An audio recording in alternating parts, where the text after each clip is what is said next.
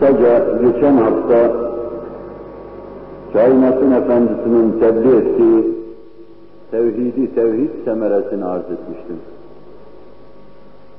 Allah'ın vahdaniyetine inanılmayan bir devirde, bir zamanda, bir zeminde Allah'ı birlemek, vahdaniyeti ilahi inanmak öyle büyük bir semeredir ki bunu cahiliyeyi idrak etmiş kimseler ancak takdir edebilirler. Vahşetin bir tamamına hüküm ferma olduğu bir devri idrak etmeyenler, vahdetin ne demek olduğunu pek kavrayamazlar. Bunu tenvir için kendi devrimizden de misaller arz etmiştim.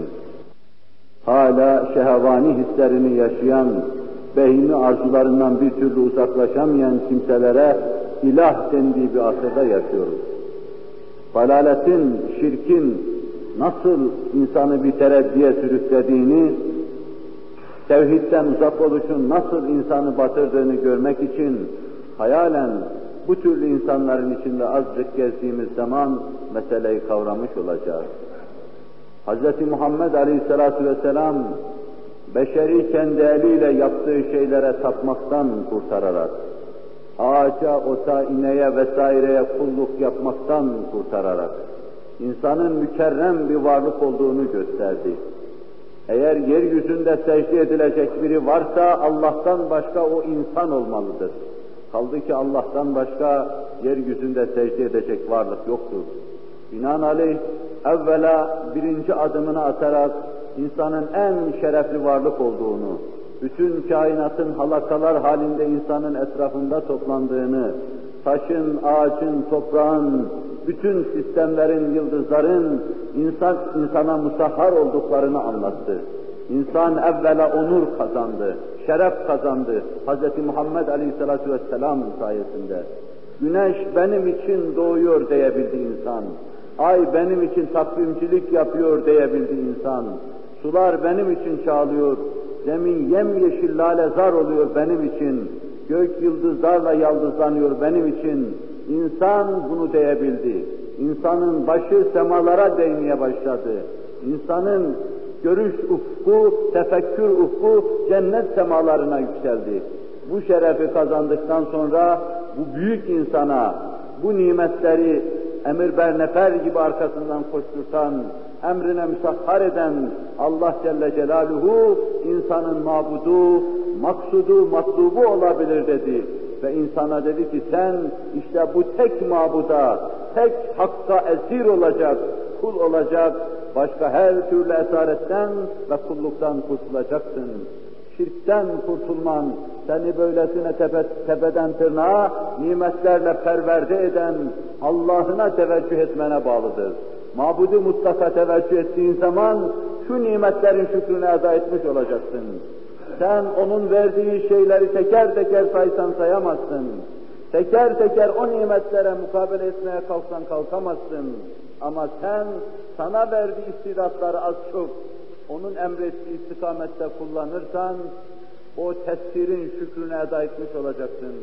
Bu gözü sana vermenin şükrünü, bu lisanı sana vermenin şükrünü, sonra ziya halinde, renkler halinde gözün hoşuna giden lezzetleri sana verme şükrünü, lisanına nimet sofrasını takdim etme şükrünü, kalbine imanın kut ve gıdasını verme şükrünü eda etmiş olacaksın.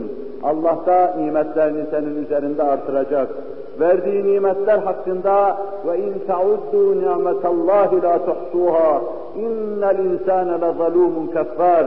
Allah'ın nimetlerini sayıp dökmeye kalksanız sayamazsanız namütenahidir. Vücudunuzdaki hücreler sayısınca nimetleri vardır. Sadece maddi yapınız üzerinde. 60 trilyon nimeti vardır her dakika Allah'ın sizin üzerinizde. Her dakikayı genişletseniz, saatler, trilyonlarca saatler haline getirseniz, sonra her saatte Allah'a bir secde etseniz, onun şükrünü eda etmeye kalksanız kalkamazsınız. İnsan çok zalim, çok cahildir. Kimin karşısında bulunduğunu, nasıl nimetlerle perverde edildiğini, nasıl kendisini ihtimamla bakıldığını bilememekte, bilememekte ve mabudi mutlaka karşı kulluğunu yapamamaktadır. Tevhid semeresini bu açıdan kainata bakan ve böyle sağlam bir Allah akidesi, Allah anlayışı içinde kulluğu idrak eden kimse anlayacaktır. Cenab-ı Hak büyük semere olan tevhid semeresini bir hakkın kavramaya ve bir hakkın içine girmeye, efal aleminde, akide aleminde, muamele aleminde ehli tevhid olmaya bizleri muvaffak kılsın. Hutbede de kısaca buna temas etmiştim. Akidede tevhid, mabud-u mutlakın birliğini izan etme, kabullenme şeklinde olur. Kainatta bütün tasarrufu Allah'a verme, rububiyet dairesinde bir tevhid olur. Zerrattan seyyarata kadar, rızkımızın gelmesinden ecelin gelip çatmasına kadar, evladı iyale sahip olmadan mala mülke sahip olmaya kadar, her şeyde zimam Allah'ın elindedir. Bütün hazineler onun hazinesinden gelmekte, akmaktadır. İşte buna inanma, bunu böyle kabul etme, izan etme, rububiyet dairesinde bir tevhiddir. Üluhiyet ve rububiyetiyle tek Allah olarak ve tasarrufun tek sahibi olarak kendisini bize gösteren Allah'a karşı biz de kullukta tevhid yapacağız. Böyle bir olan Allah bir kulluk ister. Kullukta sadece ve sadece kalben onu düşünmek, efalle ona müteveccih olmak, muamelatı onun istediği istikamette yapmak. Allah'ın vaz ettiği Kur'an'da kanunlar vardır. Habibi edibini konuşturup tesis buyurduğu ahkam vardır. İşte o ahkamı harfiyen riayet etme, bir olan Allah'ı ahkamında da birleme demektir. Binaenaleyh bir taraftan Allah'ın birliğini Allah olarak kabul ederken, bir kısım onun icraatını esbaba veren insan, rububiyet dairesinde şirk içindedir, yine müşriktir. Rububiyet dairesinde bir kısım ahkamı Allah'a verirken, Cenab-ı Hakk'ın ahkamıyla şahsi hayatında, ailevi hayatında, içtimai hayatında tekasülen veyahut da onlar isabetsiz görerek amel etmeyen bir insan bu defa ubudiyet dairesinde şirk içindedir. Bu da kulluğun müşrikidir.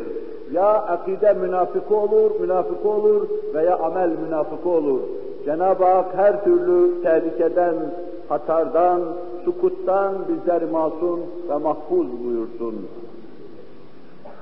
Onun varlığına ve birliğine ait delilleri sıralarken, her delilin hedefini size göstermeye çalışırken, tevhidi kendi kametime göre arz etmeye çalışmıştım.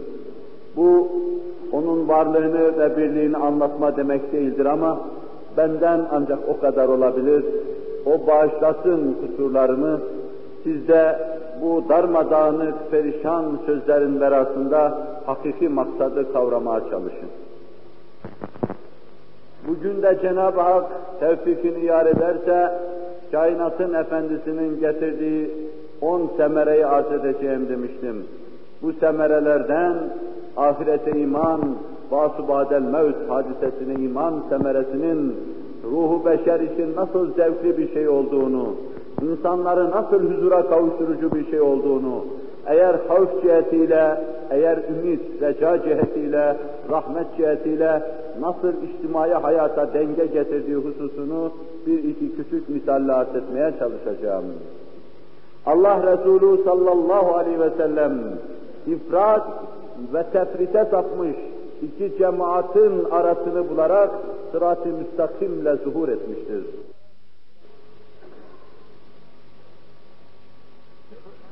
Evet, ahiret akidesi Müslümanlığın ifrat ve tefrite karşı ortaya koyduğu sırat-ı müstakimin tezahürüdür. Allah Resulü sallallahu aleyhi ve sellem bu sırat-ı müstakimle Allah'ın emriyle zuhur etmiş. Dünyaya, dünyanın kâmeti, kıymetince ehemmiyet vereceksiniz. Ahirete de ahiretin müsatince ehemmiyet vereceksiniz. Ahiret ne kadar mükemmel ise, uzunluğu, zamanı ne kadar mükemmel ise ona o kadar ehemmiyet vereceksiniz.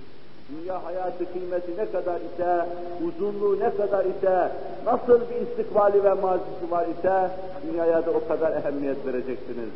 Siz esas Allah'ın size ihsan ettiği istidatları ahirette onu müşahede etmeye hazır ve ehil hale, liyakatlı hale getirme istikametinde kullanacaksınız. Kullanmaya Allah muvaffak kılsın. Ahiret akidesini anlatırken delilleriyle haşr ispat mevzuunu, onu imanın erkanını saydığımız haşr ispat bahsini inşallah Teala Cenab-ı Hak ele almaya muvaffak kılarsa ele alacağım. Haşr ispat değil bu mesele. Bu haşir semeresi, basubadel mevt semeresi, ruhu beşere saadet getirmesi, insanlığı mes'ud etmesi, sıkıcı, en perişan olduğumuz anlarda dahi, en canhiraş hadiseler karşısında dahi ahirete iman mevzu içimize su serpi verir. Öfkemizi, şiddetimizi, şiddetimizi yatıştırıverir. Birdenbire melekleşi veririz. Çünkü insan burada ne yaparsa semeresini orada görecektir. Burada yaptığı her şey karşısına meyveler halinde orada çıkacaktır. Orada insanı mesut edecektir. Ailesinden sıkıntı gören kimseler, çocuk çocuğundan tazik gören kimseler, muhitinden, çevresinden her an postlamalarla karşı karşıya kalan kimseler, ahiret saadetini düşündükleri zaman müteselli olurlar. Ayağında pranga, boynunda tasma, nice mahkumlar vardır ki hayatları boyunca zindanlardan çıkmadıkları halde mes'ud olduklarını ifade ederler. Mes'uddurlar çünkü dünyada çektikleri her şey ahiret hesabına onlar için binalar, ünvanlar halinde öbür alemde tezahür ediyor. Çünkü burada çektikleri her şey rahmeti cilvelendiriyor. Cenab-ı Hakk'ın rahmaniyetini güldürüyor. Hz. Muhammed Aleyhisselatü Vesselam'ı tebessüme getiriyor. Yıldız yıldız cennet semalarını insana baktırtıyor.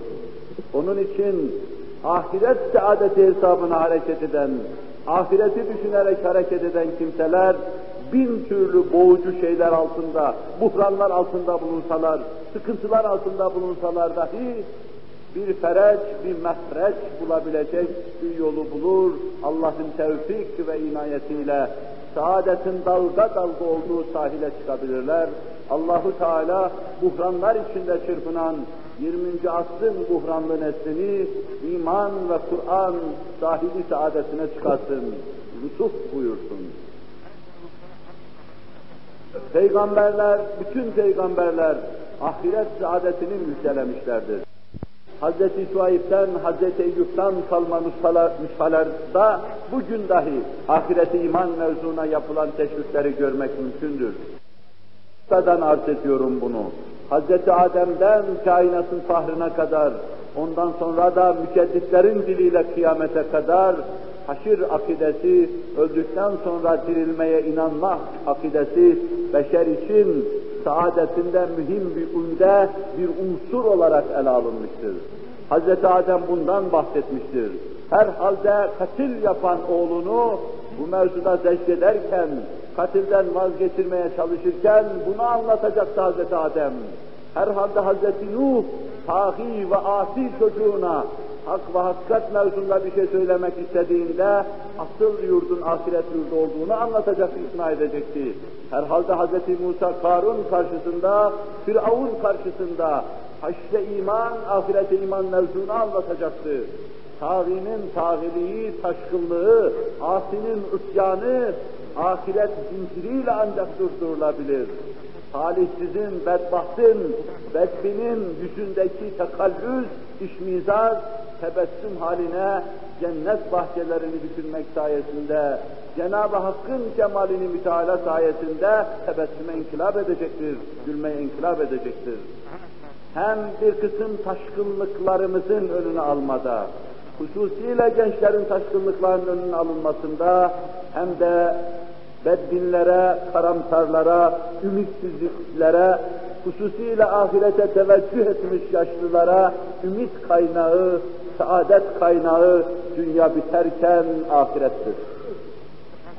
Bizi evimizden çıkarsalar, bir sel gelse evimizi alsa, tav'an ve kerhen evden çıkma mecburiyetini duysak, başka çaresi olmadığını iliklerimize kadar hissetsek ve sonra biri eğilse kulağımıza fısıldasa dese ki, siz bu selle bu evden çıkıyorsunuz ama kaybettiğiniz tek eve mukabil birkaç kat ev verecekler.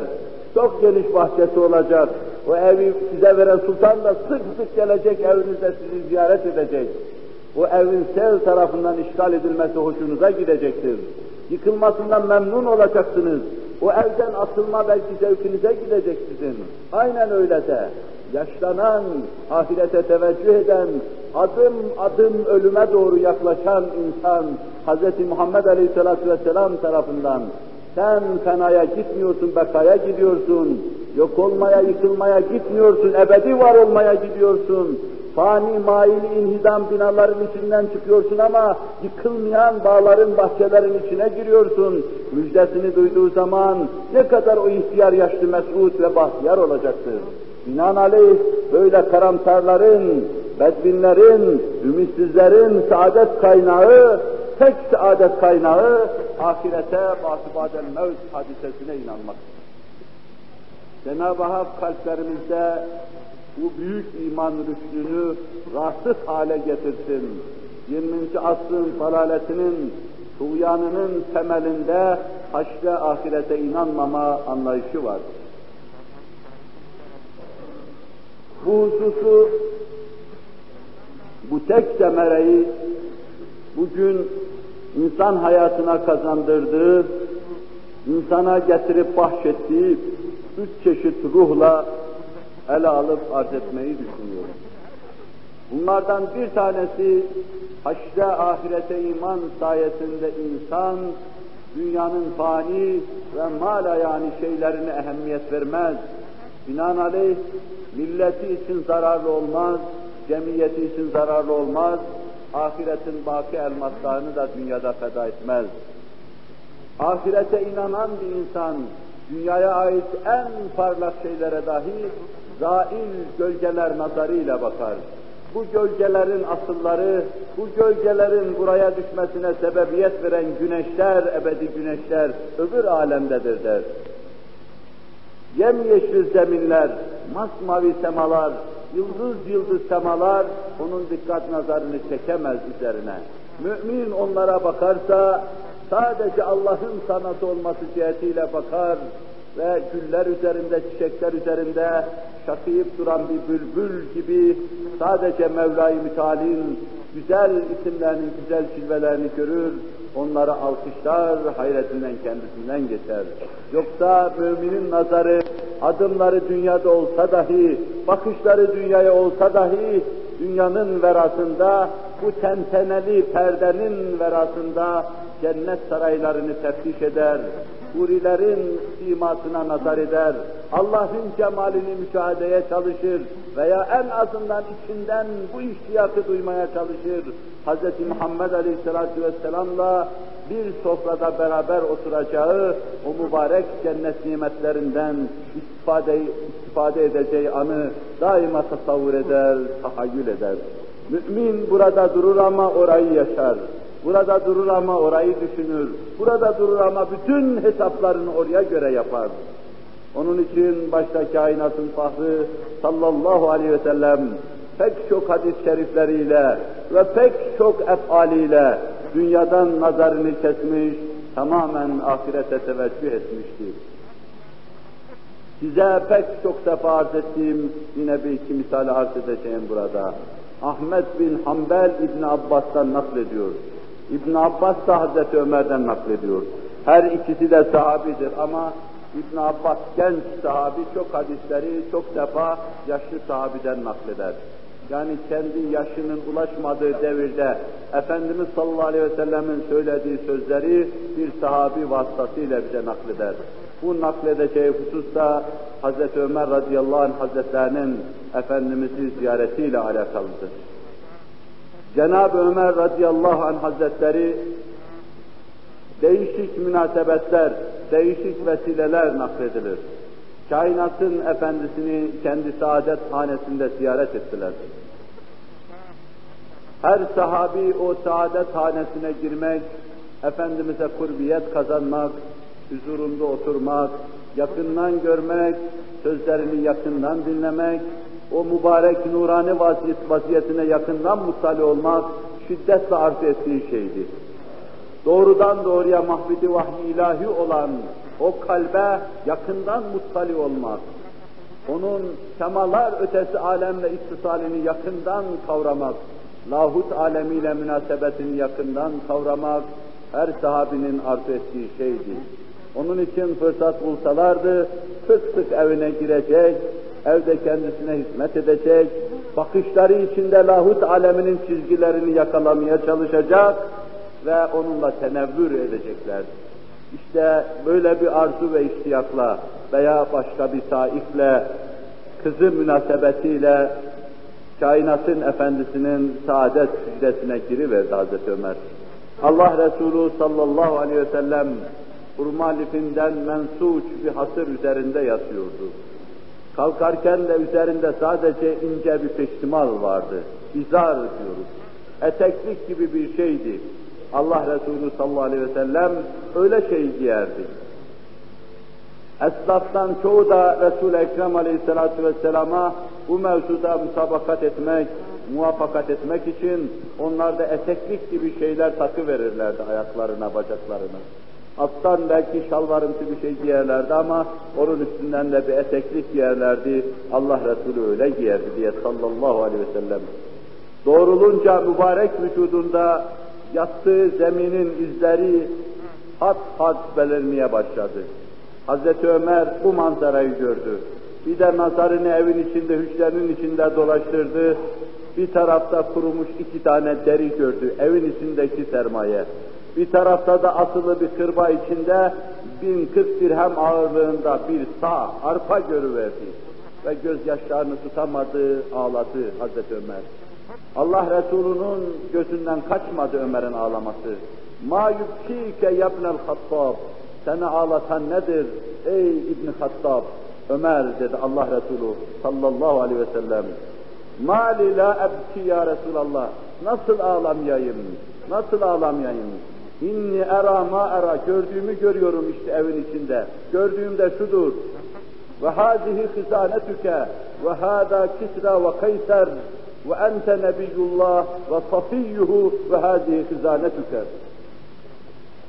Sen Allah'ın nebisi, safisi, en mükemmel varlığısın. Kayser, Kisra nimetler içinde, enhar esmar içinde yüzmektedir. Hadisin o iki cümlesini unuttum. Ve hâzâ Kayser ve Kisra fil enhar vel esmar. Onlar nimetler içinde yüzmekte, çaylar başında, ırmaklar başında tahtlar, taşlar kurmaktalar. Zevkten zevke dalmaktalar. Sense Allah'ın nebisi, safisisin. Bununla beraber işte hazinen, işte bütün sermayen bin kırk dirhem arpadan ibaret, iki tane kuru deriden ibaret ve yatarken de üzerinde yattığın hurma lifinden mensuç, mamul bir hatırdan ibaret deyince Allah Resulü sallallahu aleyhi ve sellem Ama terda yabnel hattab en tekune lehumud dünya ve lenel ahire. Razı olmaz mısın ey Hattaboğlu Ömer? Dünya onların olsun, ahirette bizim olsun diyecektir Allah Resulü sallallahu aleyhi ve sellem. Burada meşakkat çeken, burada bir kısım ıstıraplara maruz kalan, burada bir kısım nimetlerden isteyerek, irade ederek nefsini mahrum eden, ötede kat kat, ebedi ve daimi nimetlerle perverde olacaktır. Allahu Teala ve Tekaddes Hazretleri iradesiyle nefsini gemleyemeyen bizlere nefsimizi gemleme lütfunu lütfeylesin. Bizlere irade bahşeylesin. İrade çok meselelerimizi halledecek.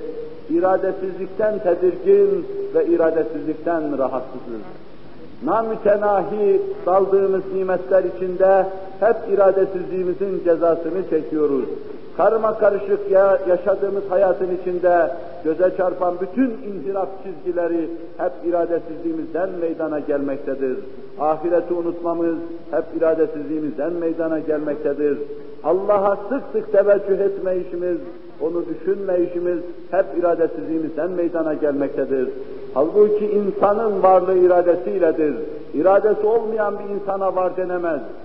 İstediği zaman masiyete inhimak eden, aklına geldiği zaman günah, günahlara dalan bir insanın iradesi yoktur.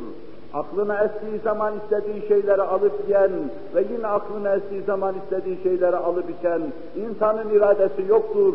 ona camit nazarıyla bakar din açısından bir insan. Ağaçla onun farkı yoktur. Alttan emi verir, üstten emi verir. Alttan alıverir, üstten alıverir, sonra bir taraftan da ifraz ediverir. Onun hayatı bir camitten ibarettir. Veya camidin üstünde dört ayağı üzerine emekleyen bir varlıktan ibarettir. İnsan odur ki iradesinin sözünü kainata dinletiverir. İradesiyle var olduğunu, dipdiri olduğunu kainata gösteriverir. İşte bunu azam derecede, âlâ mertebede kainatın efendisi sallallahu aleyhi ve sellem gösteriyordu, görüyoruz. Hazreti Osman emirül müminindir. Öyle müminler, öyle müminler cemaati ki o müminler cemaati içinde emirül mümininin her hareketini mürakabe edecek, onu sigaya çekecek, hesaba çekecek binlerce insan vardır. Böyle bir cemaattır ki o cemaat bugünkü Türkiye'miz kadar 20'ye bağlı olmuştur. İşte bu koskoca devletin yüzlerce binlerce mürakip gözleri altında Hz. Osman o yığın yığın servetin içinde kendisini tenkite medar olabilecek tek sözün söylenmediğini görüyoruz. O servet içinde, o saman içinde Hz. Osman radıyallahu anh hazretleri hakkında şahsen sen şu israfta bulundun, hayatını şöyle suistimal ettin, tek sahabi bilmiyoruz onun hakkında böyle bir şey söylediğini. Kaldı ki aksini söylüyorlar. Hz. Osman radıyallahu anh Mekke'de bulunduğu zaman Beytullah'ın karşısında kumda yatıyordu. Kumu altına döşek olarak seriyordu. Bir yığında yiyordu, onu da başına yastık yapıyordu. Hava serin olursa kumun içine gömülüp yatıyordu. Sıcak olursa hava üstü açık yatıveriyordu. Bu emirül müminindi. Ravza-i Tahire'de olursa onun kumları içinde yatıveriyordu. Medine-i Münevvere'de olduğu zaman. Sahabe bize naklediyor. Halk çok defa toplanır orada namaz kılarken hâzâ emirül müminin, hâzâ emirül müminin derlerdi. İşte emirül müminin kumların üstünde yatan insan derlerdi. Nadiren bulurdu üzerinde yatacağı bir hatırı, nadiren bulurdu üzerine alacağı bir battaniyeyi, bir örtüyü. Bu emirül müminindi. Serveti bir anda Allah Resulü'nün bir talebine bin deveyi vakfetmek, hediye etmek kadar çoktu. Bir anda bir tek talebe cevap olarak bin deve yüküyle verecek kadar servet sahibiydi. Bu şahsi servetiydi Hazreti Osman'ın. Bununla beraber o nazarını ahirete dikmişti. Ahirete iman saadetiyle mes'ud idi. La ecma'u beyne emneyn ve la ecma'u beyne havfeyn. Kulağına küpe yapmıştı. Burada rahatı için yaşayanlar, burada zevklerini yaşayanlar, burada hazlarının arkasından koşanlar, gününü gün etmeye savaşanlar, her gün bir sefil arzu karşısında secde eden kem talihler, orada saadetten mahrum kalacak kem talih kimselerdir. Ama burada iradesiyle, ihtiyarıyla bir kısım zevklerinden kısıtlamalar yapanlar, orucu bu manada tutuyoruz, zekatı malımızdan çıkarmak suretiyle bu manada veriyoruz, vücudumuzu, elbisemizi yıpratma namazda bu manada oluyor. Bunlar bizi hayatımızda, düşüncelerimizde, tasarruflarımızda hak hesabına, ahiret hesabına sarfa alıştıran, pratik hayatta sarfa alıştıran şeylerdir. İnfaka alıştıran şeylerdir. Mümin iradesiyle bunları yaptığı zaman Allah'ı hoşnut edecek.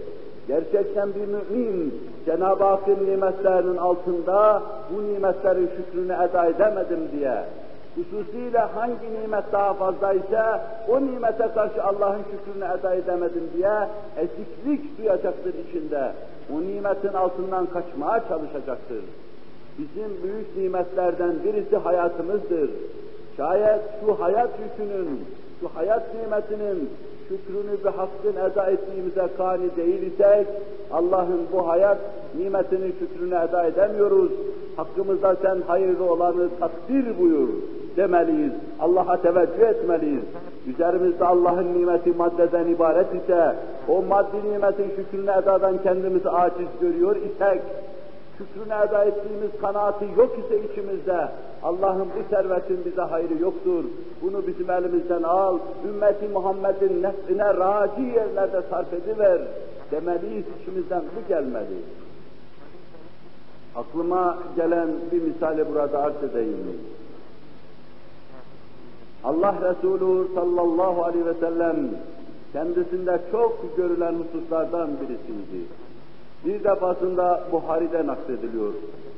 Cemaatin önüne geçti namaz kıldırmak üzere. Ve sonra hemen cemaati saflarda bıraktı, süratle saadet hücresine döndü, hanesine döndü. Geldi namaz kıldırdı sordular ya Resulallah bu kadar telaşın manası neydi?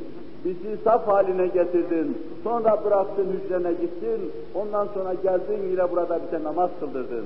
Buyurdular ki dün bana gelen bir şey vardı, servet vardı, mal vardı. Ben namaza durduğum zaman onun mevcudiyeti evde hatırıma geldi. O evde mevcutken Mevlam'ın huzuruna teveccüh etmek istemedim. Döndüm, gittim, tembih ettim. Bunu şuna şuna şuna dağıtın dedim. İşte onu içimden attım, Mevla'nın huzuruna öyle geldim buyurmaktadır. Hazreti Talha radıyallahu anh hazretlerini Talha bin Ubeydullah radıyallahu anh hazretlerinin zevcesi görüyor. Mamum görüyor. Mahzun mükedder görüyor. Diyor ki seni kıracak bir şey yapmadın efendi. Niçin böyle mahzunsun? Allah senden ebediyen razı olsun zevcem diyor. Sen zevcelerin en salihasısın. Senden bir insan memnun değilse kimseden memnun olamaz. Ama beni daidar eden, dinkir eden o değil. Bir sürü servetim var. Bu serveti ne yapacağım şu anda şaşırmış kalmışım. Nereye koyayım? Nereye koyayım ki kalbimden çıkarmış olayım? Nereye atayım alakamı kesmiş olayım? Nereye atayım ki ben kalbimi bütün havalikten, bütün gavailden teşhis ederek Allah'a tevcih etmiş olayım? O akrabalarını toplar, servet akrabalar arasında dağıtıldığı anda üzerinden dünya ağırlığında bir yükü atmış gibi o hafifledim der, rahatlıkla oturuverir yerine. Mümin böyle düşünür.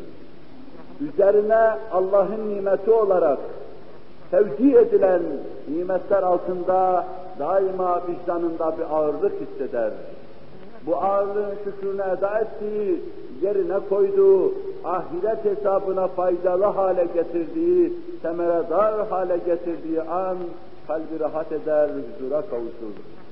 İşte dünyanın kendi kâmetine göre anlaşılması ancak dünyanın karşısına ahiretin çıkması sayesinde olur. وَلَلْ آخِرَةُ خَيْرٌ لَكَ وَأَبْقَى Habibi edibine diyor, ahiret senin için hem en baki hem de çok daha hayırlıdır.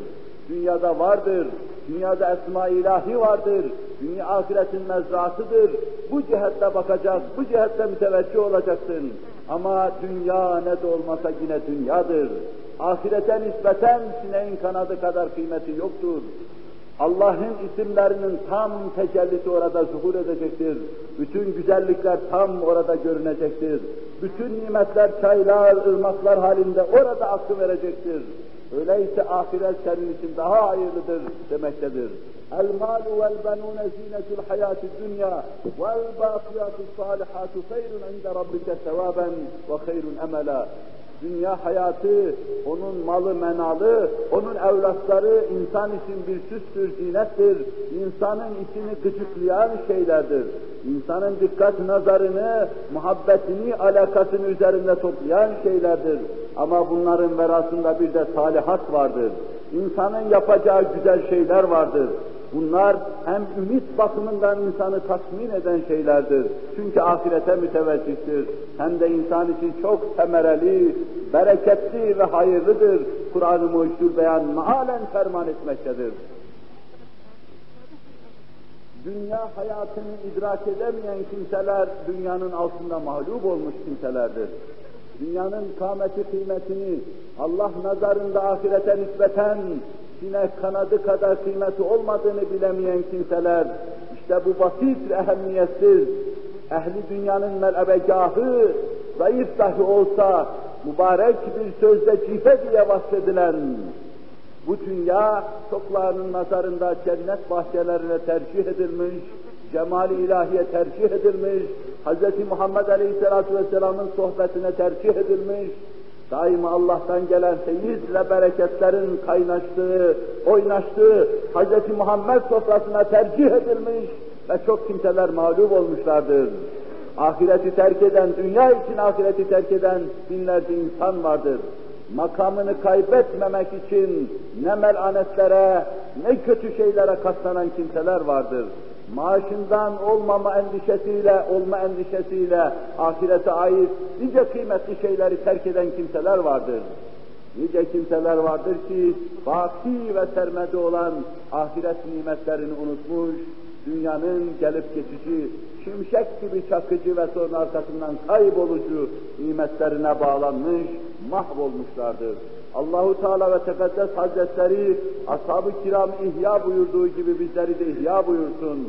Dünya karşısında 20. asırda devletler halinde, cemaatler halinde, milletler halinde mahvolan İslam alemini, dünya karşısında mahvolan İslam alemini Allahu Teala gelecek felaketlerden, içinde bulunduğu felaketlerden halak eylesin, sahibi selamete hidayet buyursun inşallah Teala. Ahirete iman sayesinde ikinci husus, mümin hayatı istihkar eder.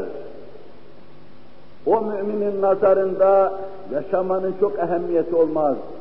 Yaşama hakkında hayırlısı ise Allah'tan yaşamasını diler. Vefat hayırlı ise vefatını diler. Sa'd ibn Muaz radıyallahu anh hazretleri Hendek vakasında ağır yara almıştı. O, o dakikada şöyle diyordu. Yarasından kanlar, sular, irinler akarken ve adım adım o vefatına yaklaşırken Hz. Muhammed Aleyhisselatü Vesselam'ın çok teveccüh ettiği, Allah'ın çok sevdiği ve vefat ettiği zaman Hz.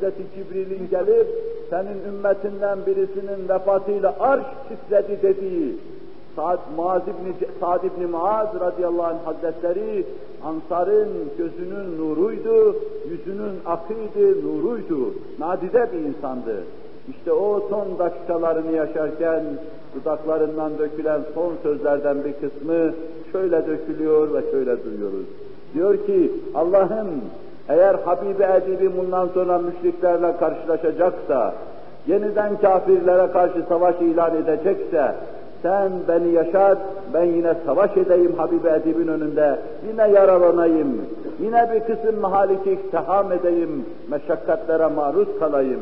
Yok eğer böyle bir şey olmayacaksa, beni hak yolunda kullanmayacaksan, emanetini al, artık benim varlığım yokluğum farksızdır diyecektir.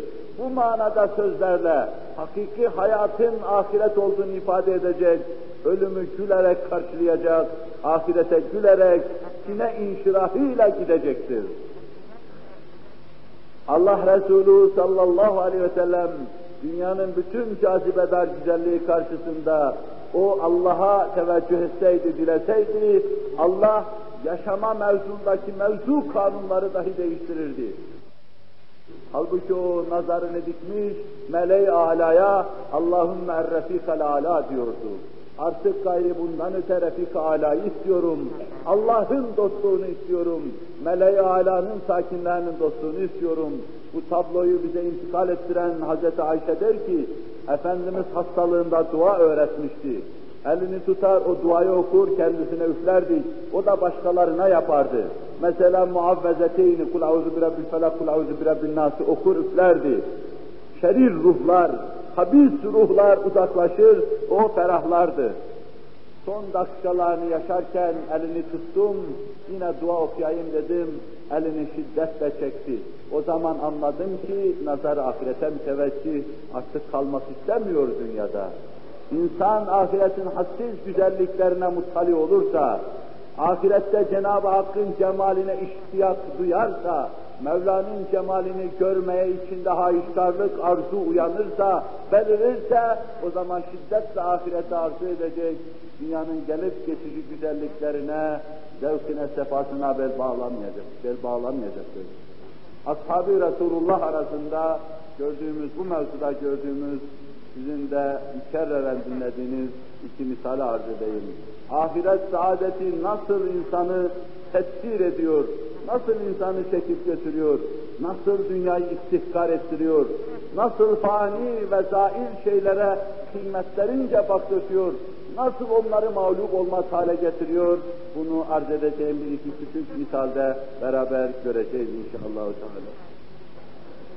Medine'nin şanlı yaranından, Hz. Muhammed Aleyhisselatü Vesselam'ın ashabından bir de Amr ibn Cemuh vardı. Bu bacağı eğri sakat, yürürken zor yürüyebilen bir insandı. Pek çok nurlu evlat yetiştirmişti.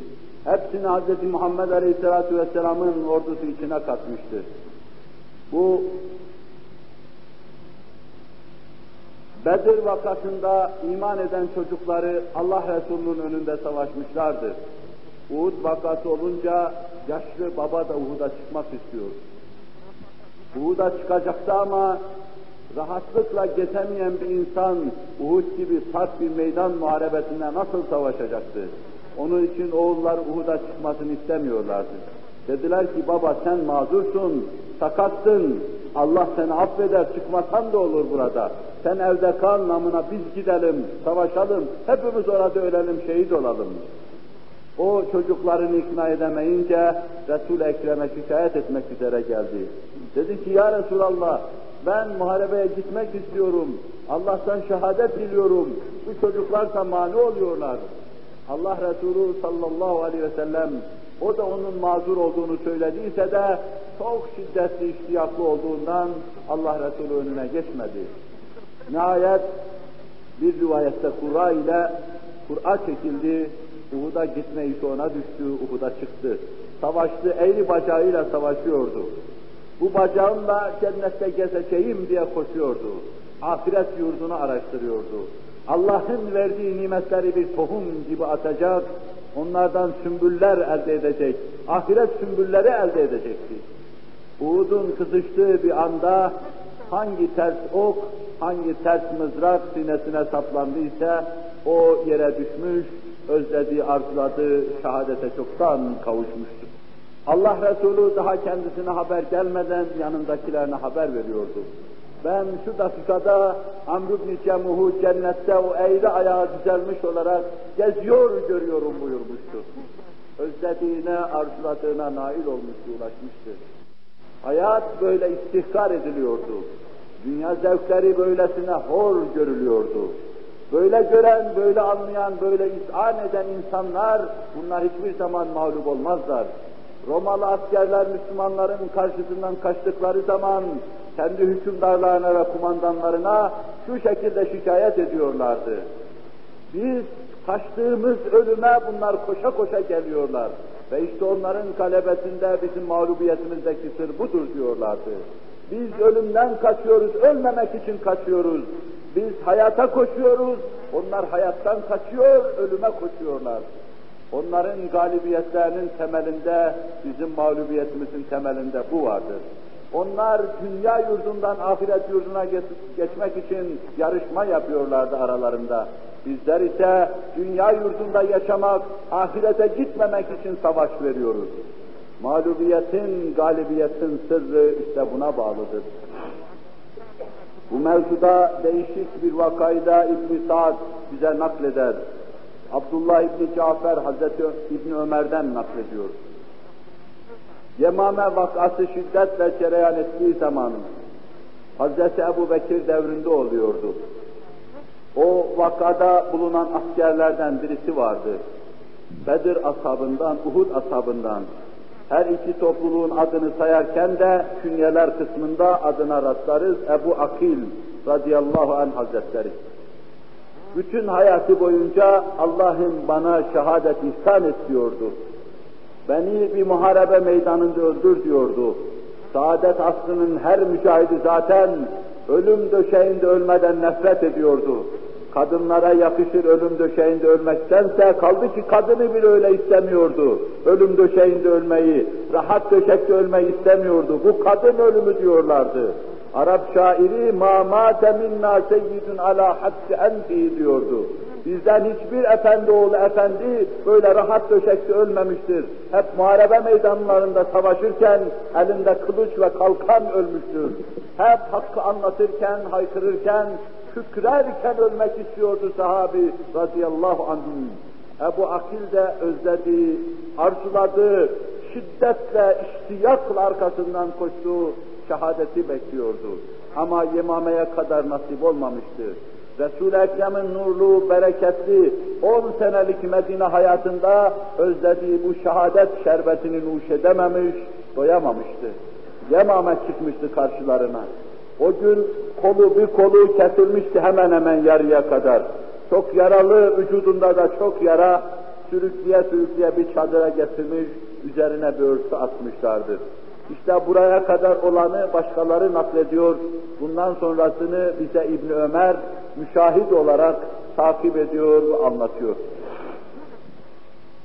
Diyor ki o çadırın içinde koma halinde gibi sessiz ve hareketsiz yatıyordu. Çok kan kaybetmişti. Kolu yarısına kadar kesilmişti. O kolla harp etmesine imkan yoktu. Derken Müslüman saflarında az bozulma gibi bir şey oldu, çatlama oldu. Derken hemen çadırın içindeydi, Mani ibn Adi'nin sesi duyuldu. Bu da Resul-i Ekrem'le beraber çok yerde bulunmuştu. Bu da orada dökülenlerdendi. Sesleniyordu. Ya lel ensar, kerreten fehneyn diyordu. Ey ansar topluluğu, Hüneyn'de yaptığınız gibi toplanın, hak adına, hakikat hesabına hücum edin diyordu. Etrafında toplanın diyordu. Toplanan herkes orada toz toprak gibi dağılıyordu ama yerinde ayrı bir topluluk meydana geliyordu. Diyor ki Mani bin Adi'nin sesini duyunca bizi çağırıyor dedi, ben de ensarım dedi. Birdenbire örtünün altındaki o insan adeta hortlayı verdi. Sanki kolu kesilmemişti, sanki vücudunda 14 tane yara yoktu. Birdenbire gözümden kayboldu diyor, askerin içine daldı. Ben de adım adım onu takip ettim. Allah idbarimizi ikbale çevirdi. Müslümanların ağlayan yüzünü güldürdü. Yalancı peygamber hak ile yeksan oldu her şeyiyle. Müslümanın zafer bayrağı Yemame kalesinin bursunda dalgalanmaya başladığı zaman ben de Ebu Akil'i araştırdım. Şehitler arasında buldum. Son dakikalarını yaşıyordu. Konuşacak halde değildi, dili de hareket etmiyordu. Ama kilometrelerce o mesafeyi nasıl kat etmişti, fırtına gibi, tayfun gibi nasıl oraya kadar gitmişti, bunu anlayamamıştım. O muharebede giderken orada kolu kendisini rahatsız ettiği için ayağıyla basmış, onu da koparmış, öyle gidivermişti. Baş döndürücü hadisedir bunlar. Ve sonra yanına sokuldum. Tek endişesi vardı o dakikada. O, o dakikada tek endişesi vardı. Teprenen dudaklarından son söz, tek söz şu çıktı. Limeni debre diyordu. Kim galip, kim mağlup diyordu. Ben ebşir kutile aduvullah dedim. Müjdeler olsun Allah düşmanı öldürüldü deyince bir beşaşet belirdi yüzünde. Parmağını göğe doğru dikti, beşaşet ihtar ediyordu. Dudakları hareket ediyordu ama ne dediğini anlamadım. Öyle tahmin ediyorum ki Allah'ım sana hamdolsun diyordu. Ve gözlerini kapadı hayata ama ebedi cennet hayatına gözlerini açıverdi. Babama söylediğim zaman ağladı hıçkıra hıçkıra, hayatı boyunca arkasından koştuğu şehadet nihayet kendisine nasip oldu deyiver.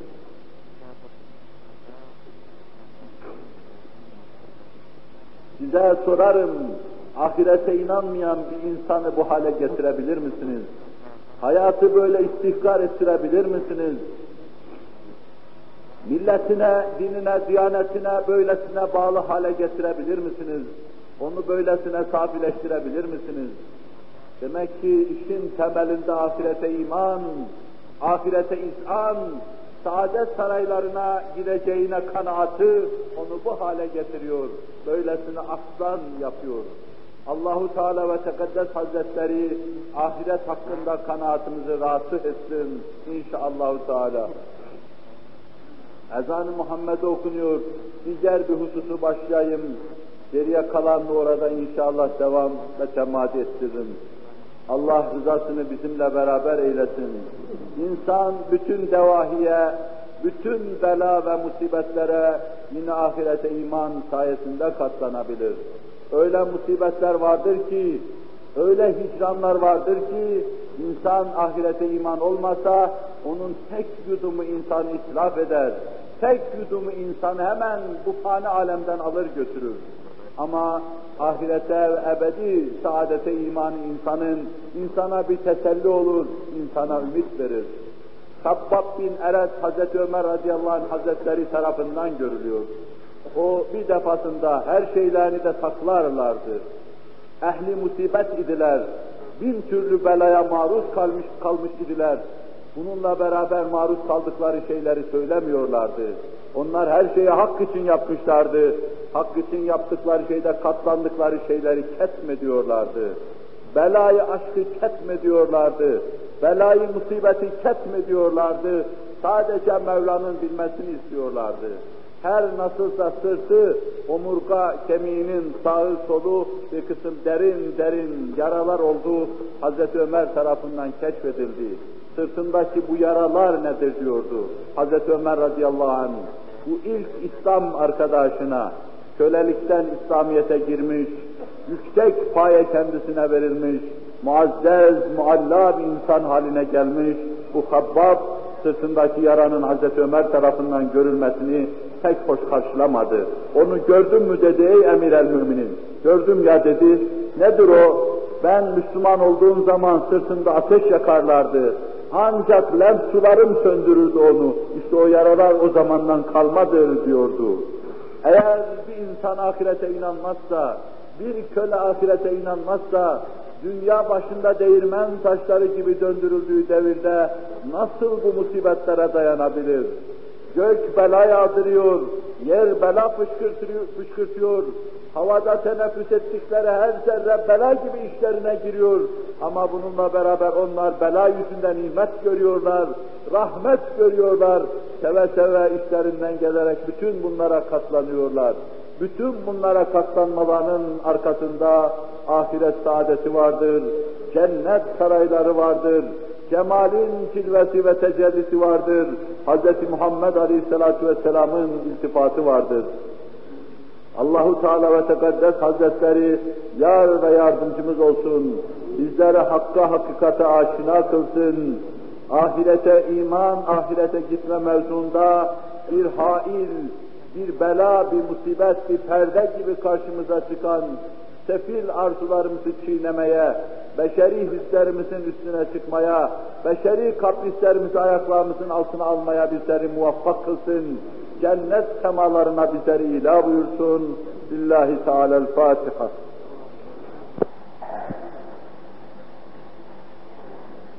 الحمد لله الحمد لله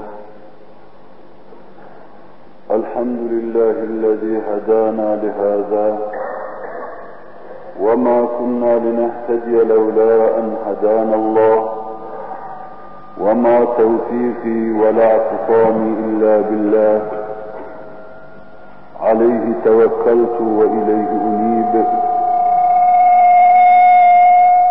أشهد أن لا إله إلا الله وحده لا شريك له ولا نظير له ولا مثال له. الذي لا أحصي ثناء عليه كما أثنى على نفسه. عز جاره وجل ثناؤه ولا يهزم جنده ولا يخلف وعده ولا إله غيره. وأشهد أن سيدنا وسندنا ومولانا محمدا عبده ورسوله السابق إلى الأنام نوره ورحمة للعالمين ظهوره. صلى الله تعالى عليه وعلى آله وأولاده وأزواجه وأصحابه وأتباعه وأحفاده أجمعين. أما بعد فيا عباد الله اتقوا الله تعالى وأطيعوه. فقد قال الله تعالى في كتابه الكريم أعوذ بالله من الشيطان الرجيم. بسم الله الرحمن الرحيم. رسلا مبشرين ومنذرين لئلا يكون للناس على الله حجة. صدق الله العظيم. وبلغنا رسوله النبي الهاشمي الكريم.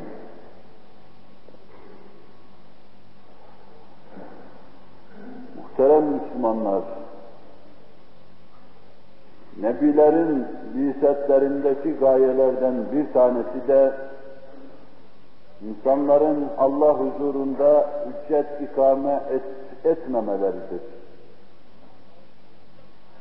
Peygamber gelecek, her hakikati anlatacak, anlattığı şeyleri yaşayacak, pratik hayatta anlatılan şeylerin enini uzunluğu gösterecek, sağını solunu gösterecek, insan hakka aşina olacak, hakikati görecek, Mevla'nın huzuruna gidecek. Hayatın hesabı kendisine sorulduğu zaman itiraza meydan kalmamak için Nebi gönderilmiştir. Bize hayatın verildiğini biz müdrikiz. Hayatın esrarına, kainatın esrarına, insanlığın manasına nüfuzu nebiler sayesinde, bu manaları kavramayı nebiler sayesinde elde ediyoruz. Bu manalar, bu hakikatler bize telkin edilip edilmediğine dair Allah'ın huzurunda nebiler şehadet edecekler. Hiçbir kimsenin hücceti kalmayacak. Cennetin anlatıldığına, cehennemin şerh edildiğine, mabudiyetin manasının insanlara tebliğ edildiğine, ibadetin manasının insanlara anlatıldığına hiçbir hücceti kimsenin kalmayacak. Herkes ister istemez evet her şey anlatıldı diyecek. Her şeyin ayan beyan olduğu o günde, bütün sırların ortaya döküldüğü o günde insanlar mazeret bulamayacak. Kaçıp sığınacak yer bulamayacaklar. İşte bunun için Nebi geldi. Bunun için bir kısım meşakkatlere, bir kısım tehlikelere katlandı, iktiham etti. Bunun için Nebi'nin yolunda, Nebi'nin içinde gerçekten inanmış bir cemaat hayatta yudum yudum ıstırap yudumladı. Akla hayale gelmedik ıstıraplara katlandı. An oldu, dakika oldu ki ölüm hayattan bin defa lezzetli hale geldi. Ama bununla beraber gerçeğin, hakikatin göstericisi o cemaat, insanlara hakikati göstermek, insanların eline hüccet bırakmamak, mazeret bırakmamak için her şeye katlandı ve el hak gösterdiler. Bu bize kadar büyük hakikati intikal ettiren nurani bir nübüvvet topluluğunun ve bu topluluk arkasında nurani sahabi veya peygamberlerin havarisi bir topluluğun umumi durumunu, tarihi hayatını ifade eden çok kasır ve çok kısırdır.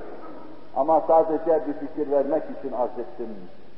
Biz bütün hüccetleri elinden alınmış, nefsi rehin olarak Allah'ın eline teslim edilmiş, hak yolda olursak nefsimizi kurtaracak, olmazsak derbeder olacak bir cemaat durumunda bulunuyoruz.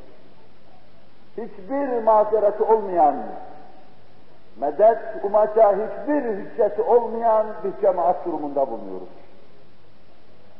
Durumumuzu ona göre değerlendirme, adımlarımızı ahiret kıstasları içinde, ahiret hesapları içinde ona göre atma mecburiyetindeyiz.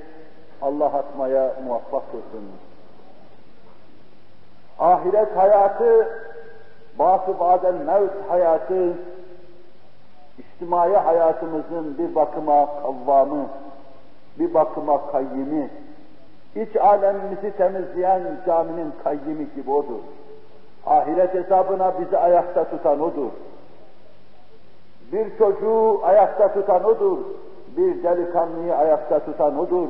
Bir yaşlıyı ayakta tutan odur. Bir haneyi ayakta tutan odur. Topyekün bir milleti, milletleri ayakta tutan yine odur.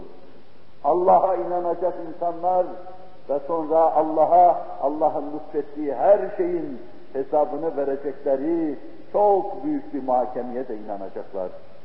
Her bakışın hesabını verecekleri, her soluğun hesabını verecekleri, her kalp atışın hesabını verecekleri, gençliğin, güzelliğin hesabını verecekleri, yığın yığın malın, menalin hesabını verecekleri bir mahkeme-i kübraya, bir madele-i ulyaya inanacak, hayatlarını ona göre ayakta tutacak, dengeli tutacaklar.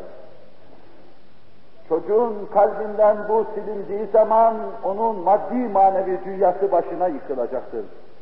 Delikanlının kalbinden silindiği zaman maddi manevi dünyanızı başınıza yıkacaktır. İhtiyarın kalbinden silindiği zaman onun da maddi manevi dünyası yıkılacak, ne ümit olacak, karamsar olacak. Aydın dünyada, dünyadan daha aydın kabrin, cennet asa gecelerinde ve cennetin, tarifin, tasvirin üstünde parlak eyyamında o hep kara ruhunu yaşayacak, kara görüşünü yaşayacak, ümitsizliğini yaşayacak çocuk. Sırf orduya karışmak için parmaklarının ucuna dikelip de boyunu uzun gösteren bir çocuk. Sonra yaralanıp da yaralı Resulullah'ın huzuruna getirildiği an ölüm dakikalarını yaşıyor. Ölümün heyecan ve helecanı bütün şiddetiyle üzerine çökmüş. Merhamet kâni büyük peygamber şefkat dolu bakışlarıyla onun simasına bakıyor. Bana öyle geliyor ki sen acı duyuyorsun. Hayır ya Resulallah hiçbir ıstırap duymuyorum dediğini duyuyoruz çocuğun. Ümit dolu kanatlarla kendisini bir anda, bir solukta şu ten penceresinden, şu dar yurttan namütenahi ufuklara kanat çırpıp götürecek ümidi, cennet ümidi, Allah'ın saadet sarayları ümidi ona kanat olmuş uçuruyor Allah Resulü'nün nazarında sallallahu aleyhi ve sellem. Korkunun çocuğu kamçıladığını, Mevla'ya koşturduğunu görüyoruz. Hazreti Ömer büyük halife mescide giderken yıldırım süratiyle yanından geçen bir çocuğun mescide doğru koştuğunu görüyor. 7-8 yaşındaki, 10 yaşındaki bu çocuğun mescide böyle heyecan dolu, heyecan dolu bir vaziyette koşmasını soruyor çocuğa. Evladım nedir telaşın? Niçin bu kadar süratle camiye gidiyorsun? Ey Allah'ın peygamberinin halifesi, dün mahallemizde bir çocuk öldü dediğini duyuyoruz. Bir çocuk öldü ahirete gitti. İnsan ameliyle ahirete gider. İnsan ameliyle ahirette insandır. İnsan ameliyle ahirette kurtulacaktır. Görüyoruz ki ümit kaynağı olma bakımından ahiret bir çocuğu için en büyük teselli, en büyük noktayı istinad, en büyük ümit aver bir husustur. Ve yine görüyoruz ki bir çocuk salih amele kendisini alıştırma, Müslümanlığın pratik hayatına kendisini alıştırma bakımından ahirete imanı, Allah'a hesap verme meselesini bir kamçı, teşvik kamçısı mahiyetinde görüyor. Bir delikanlıyı görüyoruz. Delikanlıların önüne Allah'a hesap verme duygusu olmadıktan sonra başka türlü alabilir misiniz? Anarşizmin önünü başka türlü alabilir misiniz? İşte bütün düşünürleriniz, yer yer üniversite kürsüleriniz, açılan fakülteleriniz ve ortada büyük bir dert, daima içinden kan ve irin sızan büyük bir yara. Meydana getirdiği korkunç vakum milletleri yutuyor, bizi de yutabilir. Bu korkunç kan irin içinde boğulma ihtimalimiz vardır. Tehlikeli günleri yaşıyoruz. Bütün bu başıbozukluk, bütün bu sergerdanlık ve avarelik bunun temelinde hesap vermeme duygusu vardır hayatın hesabını vermeme, sesin soluğun nefesin hesabını vermeme, varoluşun dirilişin hesabını vermeme yatmaktadır. Binaenaleyh gençlerin kalbine Allah'a hesabı, cennet ve cehennem duygusunu koyduğunuz zaman bir taraftan cennete iştiyak, onun mala yani şeylerden alakasını kesecektir. Bir taraftan da cehennemin korkusu onu doğru istikamette, tarik-i müstakim istikametinde mesafe almaya doğru itecek ve sevk edecektir. Mansıp sahibi, cemal sahibi Allah Resulü ifade buyuruyor sallallahu aleyhi ve sellem Buhari ve Müslim'de. Yedi sınıf hiçbir gölgenin olmadığı bir zamanda Cenab-ı Hakk'ın himayesi, siyaneti altında gölgelenmiş, masum ve mahfuz kalmış olacaklarını ifade etti o yedi sınıf arasında bir tanesi de şudur bir delikanlı, delikanlı için en mühim şey beşeri hislerini yaşama, beşeri kaprislerini yaşama, beşeri garizelerini yaşama. Onun için en mühim mesele şehvet bakımından tatmin olmaktır. Onun için Allah Resulü delikanlıya ait o hususu anlatıyor. Mansıp ve güzellik sahibi bir kadın kendisini çağırıyor, fuhşa teşvik ediyor. Ama iradeli insan, ama gönlünü Allah'a vermiş insan, hayatını ahirete göre yaşayan insan, ahiretin hesabına göre adımlarını atan insan, Davet edildiği zaman şöyle dediğini duyuyoruz. İnni ahafullah rabbel alemin. Ben Rabbül Alemin olan Allah'tan korkarım zina etmekten. Hazreti Yusuf Aleyhisselam gibi iffet abidesi olarak "Kâle maazallah" diyecektir. Allah'a sığınırım, nasıl böyle kötü bir şeyi bana teklif ediyorsunuz diyecek, ürkecek ve irkilecektir. Ağlayacaktır hatta, benim Allah'a sadakatimde acaba suizanla mı düştüler, benim Allah'a karşı isyan edeceğim kanaatini işlerinde uyaracak bir amil mi gördüler, bir sebep mi gördüler ki beni ihanetle ittiham ediyorlar. Bana diyor ki gel zina et. Mümin ne demek, zina ne demek? Bana diyor ki gel hırsızlık yap. Mümin nerede, hırsızlık nerede? Bana diyor ki gel faiz ye. Mümin nerede, faiz nerede? Bana diyor ki gel ihtikar yap. Mümin nerede, ihtikar nerede diyecek. Ben Allah'a sadık bir bendeyim. Onun mevzuatına karşı sadıkım. Bütün benliğimle bağlıyım diyecek. İnni ahafullah rabbel alemin dediğini duyacaksınız. İşte gencin serkeşliğine karşı bir ziman mahiyetinde hemen onu tutan ve bağlayan, ayağına bir pranga vuran Allah korkusu, nafafeti ilahi ve ahirette Allah'a hesap verme duygusudur. Çok zayıf olmakla beraber şu hususu da arz etmeden geçemeyeceğim. Bunu yine size arz etmişimdir öyle hatırlıyorum. Hz. Ömer radıyallahu anh hazretleri iyi bir cemaatin iyi olması ruh sohbetine, gönül aydınlığına, vicdan asudeliğine ve insanın Allah'tan başka her şeye karşı baş kaldırmasına bağlıdır bir bakıma. Vicdan hakka esir olmak suretiyle böyle bir hürriyeti teneffüs etmiş ise o Allah'ın lütfu keremiyle artık her şey yapar ve kötü her şeyden arınabilir, korunabilir. Cemaatinin tansiyonunu yokluyor. Yer yer geziyor, vadi vadi dolaşıyor, nabızlara bakıyor. Nabızlar Allah, Allah, Allah diye atıyorsa bu cemaat her şey yapacağına inanıyor. Yok nabızlarda mal, menal, cah, makam, sevgi, servet ve şehvet var ise, hüküm ferma ise bu millet ne kadar maddete müterekkit olsa hiçbir şey yapamaz. Kanaatini gösteriyor. Derken Badiye'de bir bedevi çocuğunun koyun güttüğünü görüyor. Saadet aslında da bedevi, görgüsüz, kültürsüz, İslam mevzuunda fazla malumatı olmayan kimse demektir. Medine-i Münevvere'den, Mekke-i Mükerreme'den uzak kalan, muallimlerin, mürşitlerin bulunduğu yerlerden uzak kalan kimseler bedeviyette yaşamaya mahkum idiler. Bugün de olduğu gibi. Ama badiyedeki çocuğun damarlarında dahi Allah duygusu, hesap şuuru, ahiret, ahirete bağlılık ve her şeyi Allah'a hesap vermeye bağlama anlayışı ve idraki olduğunu görüyoruz. Bedevi çocuğunun yanına sokuldu. Vaka zayıf kanallarla bize intikal eder. Ama emsali çok vaka olduğu için bunu da teyit eder. Çocuğa bana biraz koyunlarından süt sağar mısın dedi. Çocuk sağamam dedi. Önce Hz. Ömer belki maksadını anladı ama anlamamazlıktan geldi. Şu koyunlardan bir tanesini bana satar mısın?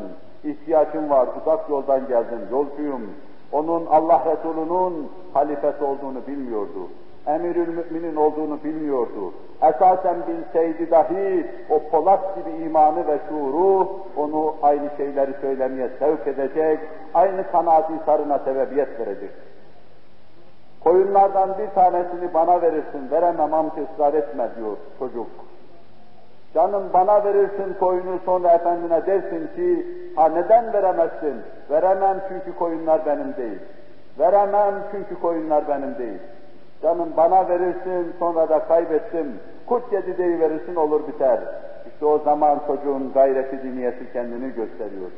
Elindeki sopayı Ömer'in başına indirmek üzere hazırlarken bir taraftan da dudaklarından şu söz dökülüyor. Ne diyorsun be amca diyor. Ben şu tepenin arkasındaki efendimi aldatabilirim. Fakat her an soluklarımı duyan, kalbimin atışını duyan Allah'ı kandırabilir miyim şöyle diyor. Ömer hiçbir şey demiyor. Sadece secdeye kapanıyor ve şöyle diyor. Çobanının on yaşındaki çocuğu bu şuura sahip bir raiyete beni emir yaptığından sana minnettarım Allah'ım diyor. Bu çocuğa bunu dedi, sen Allah'a imanı, Mevla'nın huzurunda hesap verme şuuru, ahiret akidesi cennet ve cehennem korkusudur. Bunu vereceğimiz ana kadar başvuracağımız çareler bizi yüzüstü bırakacak. Vuracağımız bütün kapılar yüzümüze kapanacak. Ekonomik diyecek, iktisadi kalkınma diyecek, planlama diyeceğiz. Bütün planlarımızın alt üst olmasıyla karşı karşıya kalacağız. Çünkü planın temeli yok filanın temelinde Allah'a iman ve bu imana bağlı Allah'a hesap verme, cennet ve cehennem şevki ve endişesi. Allah bizi ahirete iman ile mamur ve mes'ud millet eylesin. Ela inne ahsenel kelamu ve ebla'n nizam. Kelamullahil melikil azizil allam. Kema kâle Allahu tebâreke ve teâlâ fil kelam. وإذا قرأ القرآن فاستمعوا له وأنصتوا لعلكم ترحمون.